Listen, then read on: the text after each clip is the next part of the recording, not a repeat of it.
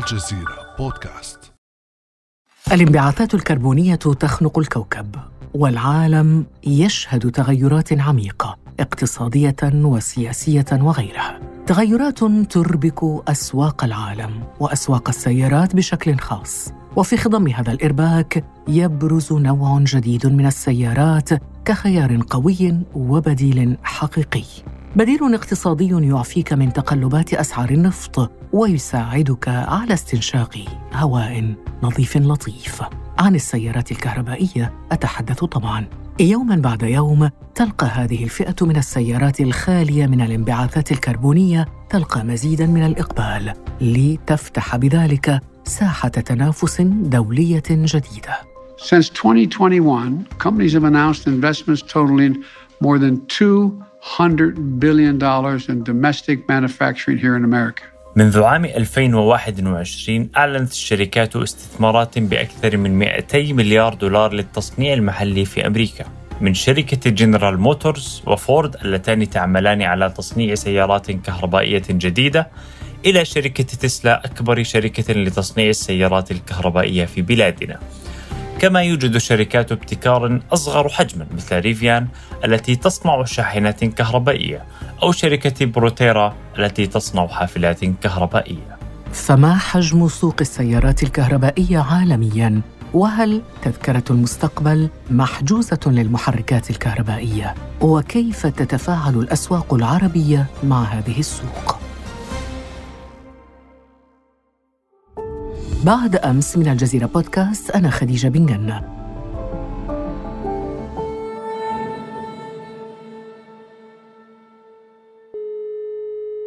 وهذه حكاية جديدة من بعد أمس. يسعدني فيها استضافة الأستاذ محمد أندي المتخصص في السيارات الكهربائية. صباح الخير أستاذ محمد. صباح النور يا هلا. أستاذ محمد خليني أسألك في البداية عندك سيارة كهربائية ولا لا؟ نعم عندي قبل سيارة أن نبدأ كهربائية النقاش. أكيد. طيب تسيير سيارة كهربائية سهل؟ أسهل من السيارة العادية؟ في المجمل هي سيارة فسواقتها تقريبا زي سواقة سيارة البنزين أو الديزل ما بتشتغل على الوقود الأحفوري.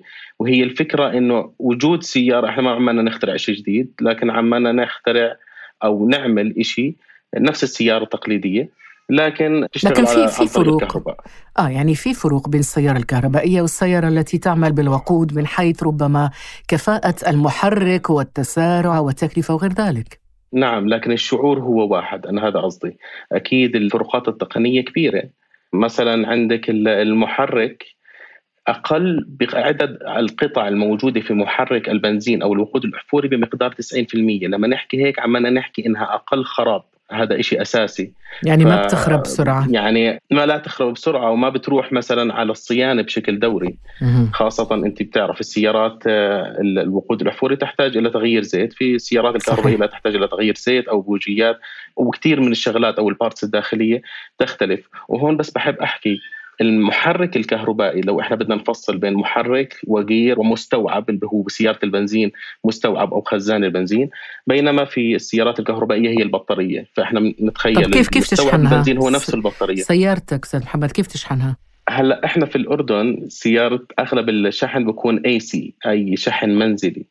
الشحن المنزلي آه، عبارة عن 32 أو 16 أمبير عبارة عن شاحن موجود عندك بدخل بالقابس الكهربائي وبتشحنيها في البيت. طبعا هذا خلينا نحكي حاليا عملي لكن في المستقبل ما أظن إنه عملي لأنه بتحتاج مثلا سيارتي حوالي 10 ساعات للشحن. فأنا بشحنها overnight زي ما بشحن التليفون. آه، في شحن ال DC شحن ال DC وهو بعطيكي طاقة وجهد. أكبر. طب حصل إنه توقفت سيارتك في الطريق بسبب مشكلة الشحن؟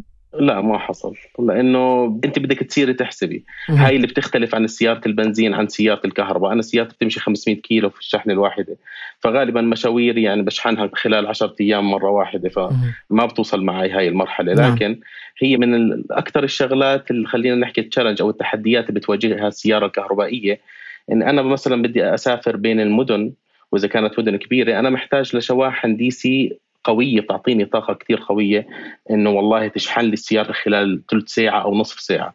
وحتى لما نحكي ثلث ساعة نصف ساعة هذا رقم كمان كبير.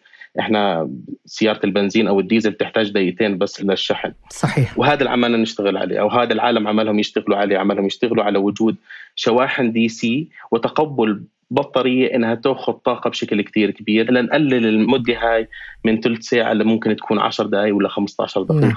طيب السرعة نفسها مثلا؟ حسب السيارة حسب السيارة. هلا إحنا بدنا نعرف شغلتين إنه في شيء بنسميه ال horse power وال torque العزم وقوة السيارة. هاي بالسيارات الكهربائية بتبلش من لحظة دعسك على خلينا نحكي دواسة الكهرباء. مش زي السيارات الثانية اللي بتحتاج إنه والله تكون توصل 100 horse power على 3000 RPM يعني لازم تمشي بتسارع كبير لتوصل. يعني شو ال maximum؟ ما هو أقصى حد في السرعه ما هو؟ هلا حسب السيارة وهي عبارة عن safety يعني مثلا أنا السيارة اللي معي فوكس فاجن ID 4 آه ال maximum 160 لكن في سيارات التسلا بتوصل ال 300 فيعني هي ال safety حسب الشركة لأنه المحرك الكهربائي والسيارة الكهربائية بشكل عام تسارعها جدا مخيف. ال horse power جدا عالي. يعني سيارة زي جنرال موتور الهامر يعني إحنا عمالنا نحكي عن محرك قوته 1000 حصان. والعزم الدوران 1000 نيوتن متر يعني قوة 1000 حصان إحنا ما بنسمعها إلا مثلا بالتركات أو بالدبابات. هذا رقم جدا كبير. نعم. وصعب جدا أنها توصلها سيارة ذات آه، اشتعال وقود احفوري أو اشتعال داخلي. فهذا فرق كبير حتى في طريقتك بقيادة السيارة المتعة اللي ممكن إنك تشاهديها طيب لماذا آه، برأيك محمد أندي رغم أنه السيارات الآن كما فهمنا منك السيارات الكهربائية أصبحت منتشرة وبدأ استعمالها يتوسع مؤخرا لكن لماذا هذه السيارات رغم أنه اخترعت منذ منتصف القرن التاسع عشر يعني من القرن الماضي صحيح. سنقول في أي سنوات تقريبا صحيح. هلا إحنا بنحكي قبل هيك إحنا أول سيارة طلعت 1880 على طريق توماس باركر في إنجلند نعم لكن آه لكن عرفت وأصبحت الناس تسمع فيها أكثر عرفت practical بال 1920 خلينا نحكي كانت سيارات practical بنحكي عمالنا عن السوق الأمريكي كانت طيب لو حكينا عن الجيل نعم. السيارات نعم. الموجودة حديثا حديثا متى بدأ آه استخدامها؟ حديثا 2003 بنحكي عمالنا عن تسلا 1970 كمان حكينا إنه بمرحله الأزمة البترول كانت في كمان سيارات كهربائية وكانت من أوائل السيارات العملية أو التجارية كانت فوكس فاجن كمان بال MK 1 الجولف. لكن بالوقت الحالي إحنا عمالنا نحكي بال 2003 سيارات تسلا. طيب ليش الآن فقط لماذا الآن فقط سمعنا بالسيارات الكهربائية في السنوات الأخيرة؟ وأنت تتحدث عن تسلا التي أخذت شهرة منذ سنة 2003 بما أن هذه السيارات اخترعت من قبل. ما هي برأيك الظروف الموضوعية التي سمحت لسوق السيارات الكهربائية بالظهور والبروز أكثر وفرض نفسها في الساحة الآن؟ والله برأيي أكثر من شغلة. أشياء تقنية تكنولوجيا البطاريات الليثيوم أيون خاصة هي البطارية اللي هلأ تعتمد فيها. صار في هاي التكنولوجي اللي ممكن إنها تمشيك تقطع مسافات كبيرة. وكان إنه وجود تسلا إنها تطلع سيارة تمشي 320 كيلو متر في الشاحنه الواحده هذا أيام 2007 هذا شيء كثير كبير. هذا السبب. والسبب الأكبر بالنسبة لي هو التغير المناخي اللي إحنا عمالنا نواجهه واللي خلى كثير من الحكومات تضغط على السيارات أو العلامات التجارية في العالم إن بدنا سيارات كهربائية تقلل من الانبعاثات. إحنا عمالنا نحكي سوق جديد دخل في هذا العالم ترأسته أمريكا وجود تسلا. وهلا عمالنا نحكي كمان فورد وجنرال موتور عمالهم يشتغلوا على هذا الإشي. لما نحكي عمالنا في إشي منتج جديد رح يكون موصول وراح يفيدك بيئيا وكمان بدنا نحسب بعض الناس بيحكي لك okay بيئيا ممكن أحسه على أجيال لكن أنا بدي أحسه حاليا في الوقت الحالي وهو تغير أسعار البترول. تغير أسعار البترول وارتفاعه بشكل كثير كبير خلى الناس تقبل نعم. على اقتناء السيارات الكهربائية خاصة إنه الكهرباء ممكن إني أجيبها صح من غاز لكن ممكن أجيبها عن طريق solar system ممكن أجيب عن طريق الرياح عن طريق آه، مفاعل نووي عن طريق أكثر من طريقة ممكن أجيب آه، مصدر الكهرباء غير عن مصدر البنزين أو الديزل. نعم. هنا هنا هنا محمد دعني أشاركك هذه الإحصائية لأنه تدخل في صميم الكلام الذي قلته الآن. إحصائية من موقع ستاتيستا في عام 2019 تقول أنه قدرت مبيعات السيارات الكهربائية ب 2% فقط من إجمالي مبيعات السيارات طبعا بأنواعها المختلفة وأنه يتوقع صعود هذه النسبة إلى 18% عام 2030 برأيك محمد أندي يعني إلى ماذا تؤشر هذه الأرقام؟ هذا تؤشر إلى نجاح السيارة الكهربائية وضغط الحكومات فعليا على العلامات التجارية إنها تصنع السيارات الكهربائية. خليني أحكي لك تسلا لما بلشت كانت هي السيارة الوحيدة أو العلامة التجارية الوحيدة اللي عمالها تصنع سيارات كهربائية، اليوم عمالنا نشوف فوكس فاجن، مرسيدس، بي إم دبليو، كل العلامات جنرال موتور بفئاتها الكاملة، فورد عمالها تصنع، والسبب ووجود حضورات من الدول. يعني مثلا أوروبا 2035 راح تحظر بيع سيارات الديزل والكهرباء. كمان كاليفورنيا بال 2035 راح تحظر موضوع بيع سيارات الديزل والكهرباء. أنا عمالي أطلع من السوق إذا ما عندي سيارة كهربائية وإحنا عمالنا نحكي هون كهربائية بالكامل ما عمالنا نحكي hybrid أو plug-in car وهي اختلافات فيها اختلافات جوهرية بين هاي السيارات. أنا إذا ما اليوم كعلامة تجارية كأي سيارة كتويوتا كهيونداي كهوندا كالشركات الأمريكية ما بقدر إني أعمل هذا التطور بسيارتي لاحولها لسيارة كهربائية أنا راح أطلع من السوق. ولما نحكي 2035 أنت بدك تحكي قبل خمس سنين أنا ما راح أشتري غالبا سيارة بتشتغل على الوقود الأحفوري لأنه رح أوصل على 2035 ما راح أقدر أمشي السيارة. يعني ما راح أمشيها بكاليفورنيا. فأنا راح أضطر إني أبيعها وراح أبيعها يعني كل كل الشركات يعني تساير هذه الموجة كي حاليا لا حاليا ما في سيارة ما في علامة تجارية إلا وعندها سيارات كهربائية وهو مش شيء بسيط. يعني أنت بتحكي على الفوكس فاجن ما دام ضلينا نحكي على الفوكس فاجن مستثمر ب 40 مليار دولار فقط على موضوع ال ID اللي هي الفئة الكهربائية من فوكس فاجن 40 مليار دولار رقم كثير كبير. حاليا عندها أربع مصانع موجودة في العالم وهي المنافس الحقيقي لتسلا. ف ومرسيدس صار عندها ال EQ والبي إم دبليو صار عندها ال iX حتى بتميز سياراتها الكهربائية. يعني يعني باختصار كل, كل شركات السيارات الكبرى الآن أصبحت 100% يعني 100%. تحاول أن تعيد تموضعها وتحجز لها مساحة في سوق السيارات الكهربائية كما تقول محمد أندي. وشركة قبل قليل قدمت بعض الأمثلة كان من الملفت مؤخرا أنه مثلا إعلان شركة جنرال موتورز عملاق محركات الوقود عن سيارتها الكهربائية الجديدة واسمها EV السؤال هنا محمد هل يؤشر هذا التطور إلى تغير حقيقي في استراتيجية الشركات الكبرى شركة السيارات أم انه الأمر يتعلق بأهداف تكتيكية ترويجية لا أكثر؟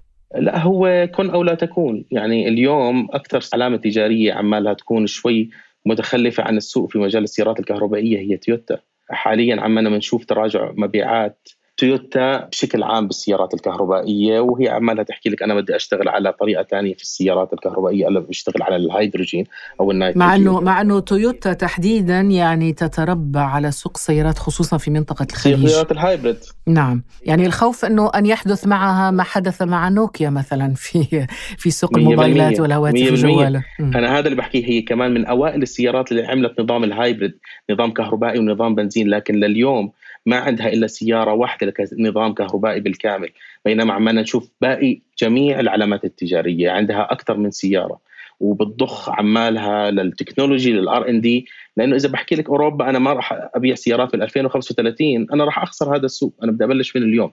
عشان أطلع خطوط إنتاج تغطي إحنا بنحكي اليوم 18% المفروض بال 2035 تكون جميع مبيعات أوروبا وكاليفورنيا عبارة عن سيارات كهربائية. فهي فترة صح صعبة. في ناس ما بتحب السيارة الكهربائية لأكثر من سبب منه إنه ما لها صوت.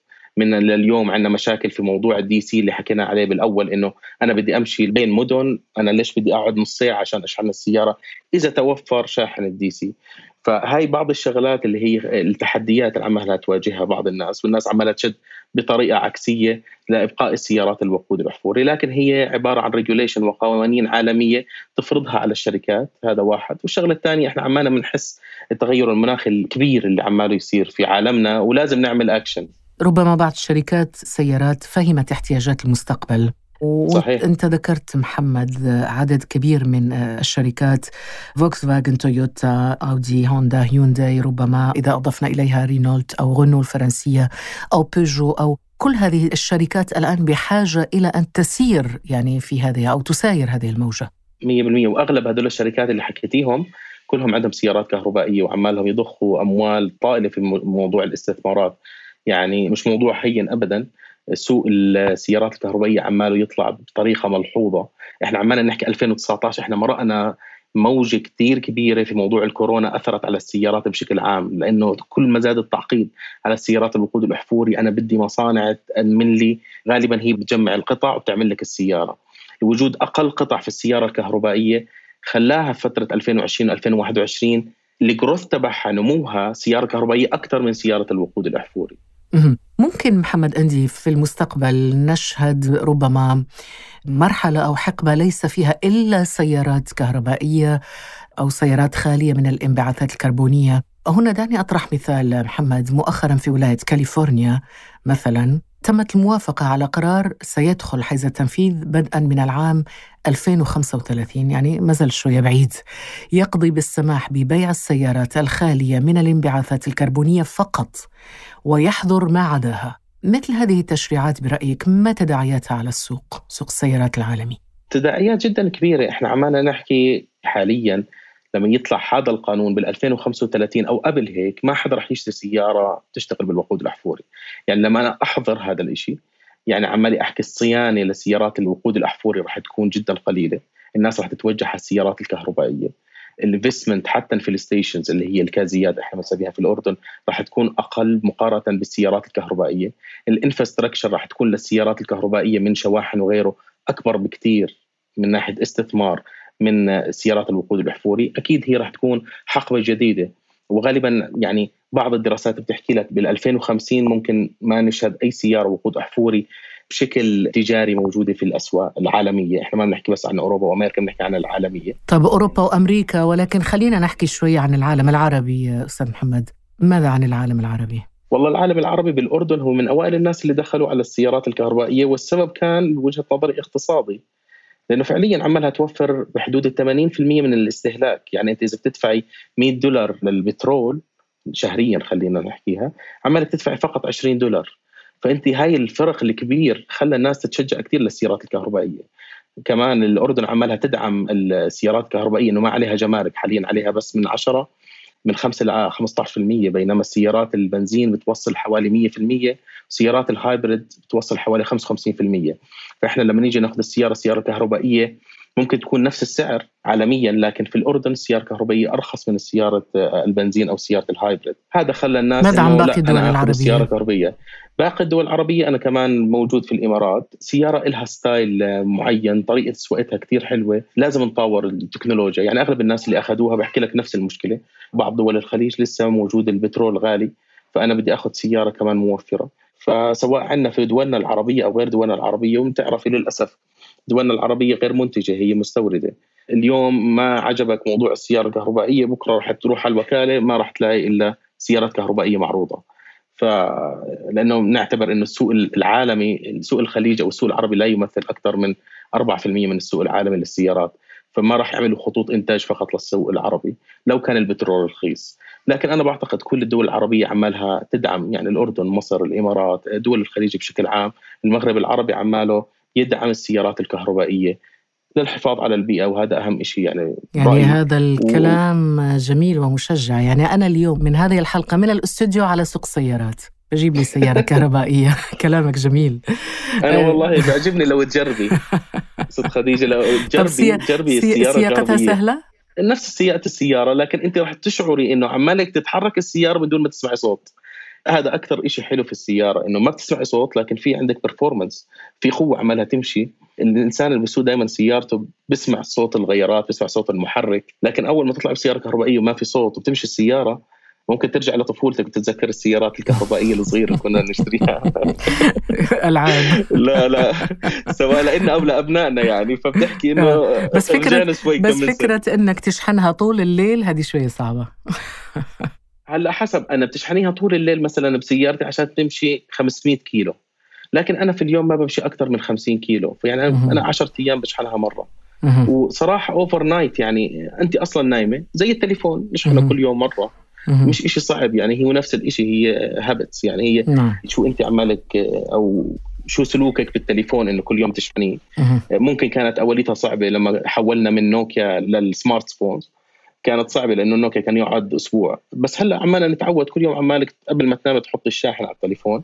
نفس الشيء في السيارة. يعني الناس الآن تتهكم على النوكيا بيسموها المرحوم آه نوكيا آه يمكن في يوم من الأيام لو استشرفنا المستقبل سنقول المرحومة سيارة البنزين. أنا بعتقد راح يصير هذا شئنا أم أبينا ما دام في ريجوليشنز في العالم وما دام في استثمارات عمالها تضخ العلامات التجارية لإنتاج سيارة كهربائية، إحنا بنحكي عمان زي ما ذكرتي بالبداية استثمارات جدا ضخمة. فأكيد من همها الشركات إنها تسوق العلامات التجارية تسوق الأسماء الكهربائية من العلامات التجارية عشان تضلها موجودة في السوق. نعم. فهذا من الشغلات اللي اللي آه بعتقد إنه ما راح نشوف سيارة. ممكن مم. تضلها فورمولا 1 مثلا. تضل الراليات موجودة بالوقود. نعم. مع إنه استحدثوا كمان حتى بالفورمولا 1 إحنا مستحدثين قبل أو الناس مستحدثة قبل ثلاث سنين اللي هي الفورمولا E أو ال electric يعني. صار في electric cars في الفورمولا كمان. فعمالنا نستشرف شوي المستقبل. أفضل بكل المقاييس السيارة الكهربائية صراحة. بهذه النظرة الاستشرافية لمستقبل السيارات الكهربائية نختم هذه الحلقة مع الأستاذ محمد أندي المتخصص في السيارات الكهربائية. شكرا جزيلا لك أستاذ محمد. العفو أهلا ست خديجة. كان هذا بعد أمس.